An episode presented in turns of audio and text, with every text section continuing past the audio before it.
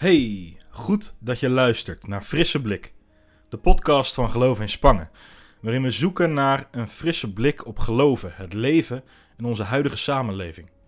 We proberen te ontdekken hoe het verhaal van God, een verhaal van hoop, anders kijken en nieuw leven, ons kan helpen in ons eigen leven, waarin de kraan soms lekt, kinderen je telefoon laten vallen en alle andere dingen die samen het leven zijn. Oftewel, een frisse blik op het echte leven. Deze week lezen we in de podcast uit de brief van een van de eerste pastors uit de geschiedenis van de kerk aan een groep mensen die probeerden te leven zoals God dat wil en zoals Jezus het had voorgedaan. En die groep mensen die woonde in Korinthe, stad in het huidige Griekenland.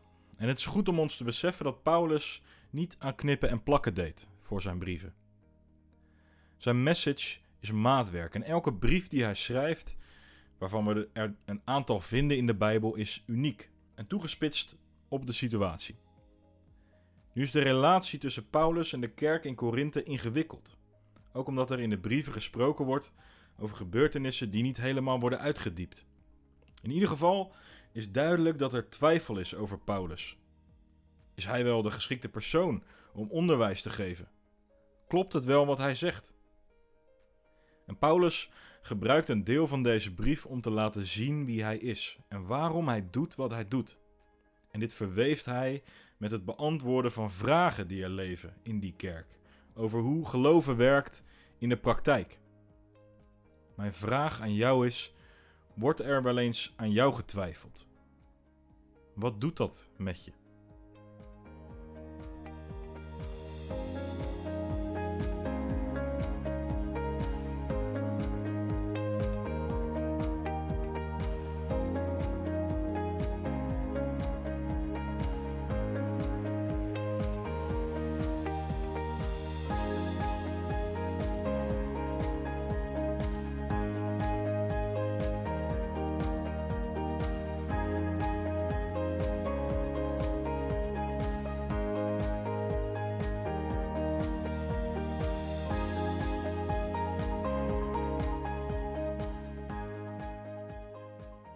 We gaan lezen hoe Paulus ermee omgaat. In 2 Korinthe 6, vers 3 tot 13. Ik zorg ervoor dat niemand een reden heeft om boos op mij te zijn. Dan kan niemand iets verkeerds zeggen over al het werk voor het goede nieuws. Als dienaar van God doe ik mijn werk zonder op te geven. Ik laat iedereen zien dat ik volhoud. Ook al maak ik veel moeilijkheden, problemen en ellende mee. Ook al word ik geslagen gevangen genomen of door woedende mensen aangevallen. Ook al moet ik zo hard werken dat ik zelfs niet kan slapen of eten. Ik ben altijd eerlijk. Ik heb veel kennis, ik ben geduldig en vriendelijk. De Heilige Geest werkt in mij en mijn liefde voor de mensen is echt. De boodschap die ik vertel is de waarheid. God helpt me met zijn kracht. Ik strijd voor het goede nieuws en ik verdedig het met eerlijkheid en trouw. Het maakt me niet uit of mensen mij eren of me uitlachen. Het maakt me niet uit of mensen trots op me zijn of me uitschelden. Ik doe mijn werk. Er zijn mensen die mij een bedrieger noemen, maar ik spreek de waarheid. Ik ben niet beroemd, maar toch weten veel mensen dat ik een dienaar van God ben. Mijn leven is steeds in gevaar, maar tegelijk is mijn nieuwe leven al begonnen. God laat mij lijden, maar hij zal me niet doden. Ik heb verdriet, maar toch ben ik altijd blij. Ik ben arm, maar ik maak veel mensen rijk.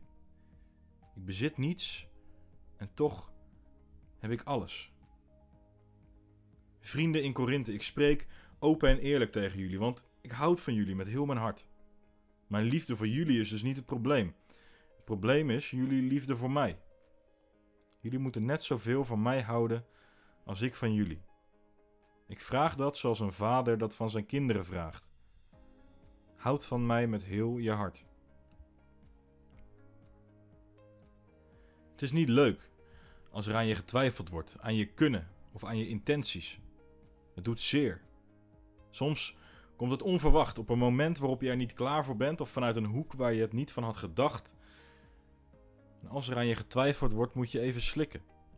Iemand die een opmerking maakt over hoe je je kind opvoedt of over hoe je die opdracht op je werk hebt gedaan, wat het ook maar is.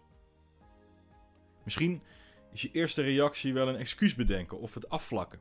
Ik had niet goed geslapen, ik ben druk geweest. Ik dacht zelf ook al dat het niet helemaal goed was. Niet per se verkeerd natuurlijk, maar ook niet altijd handig. Wat doet Paulus eigenlijk? Paulus opent zijn hart en nodigt de lezers uit om dat ook te doen. Ze wilden daar in Korinthe iets anders, misschien wel iemand anders. Paulus was passé. En dat moet Paulus ergens gestoken hebben. Tegelijkertijd spreekt hij in een ander deel van de brief met dankbaarheid en blijdschap over Korinthe. En hier vinden we waarom. Paulus is kwetsbaar en vertelt waarom hij doet wat hij doet. En het is geen kijk mij eens goed geloven lijstje, maar een uitnodiging om samen tot de kern te komen van waar het wringt.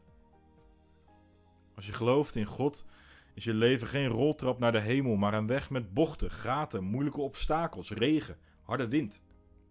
Maar er is ook vreugde, dankbaarheid, nieuw leven. En hier lezen we dat het elkaar niet altijd netjes afwisselt, van up naar down en weer up, maar dat het soms hand in hand gaat. Daarom is het de kunst om tegelijkertijd te kunnen lachen en huilen, rouwen en vieren, om te gaan met pijn en met vreugde. Een kwetsbare balans. Het roept de vraag op: hoe kun jij in balans blijven in alle dingen die je meemaakt?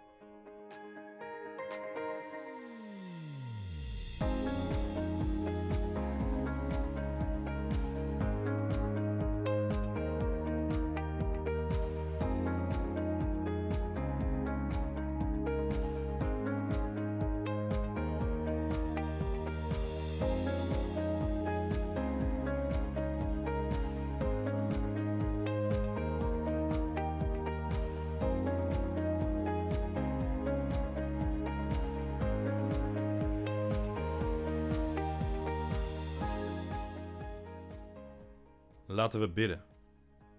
Goede God, we danken u voor de kostbare woorden uit de Bijbel, die ons helpen in u te geloven en ons perspectief geven op uw nieuwe wereld, die soms lastig te volgen is. Geef ons genade en vertrouwen om in alle seizoenen van ons leven de balans te zoeken bij u, met u. Help ons om een open houding te hebben als er aan ons getwijfeld wordt. In Jezus' naam, amen.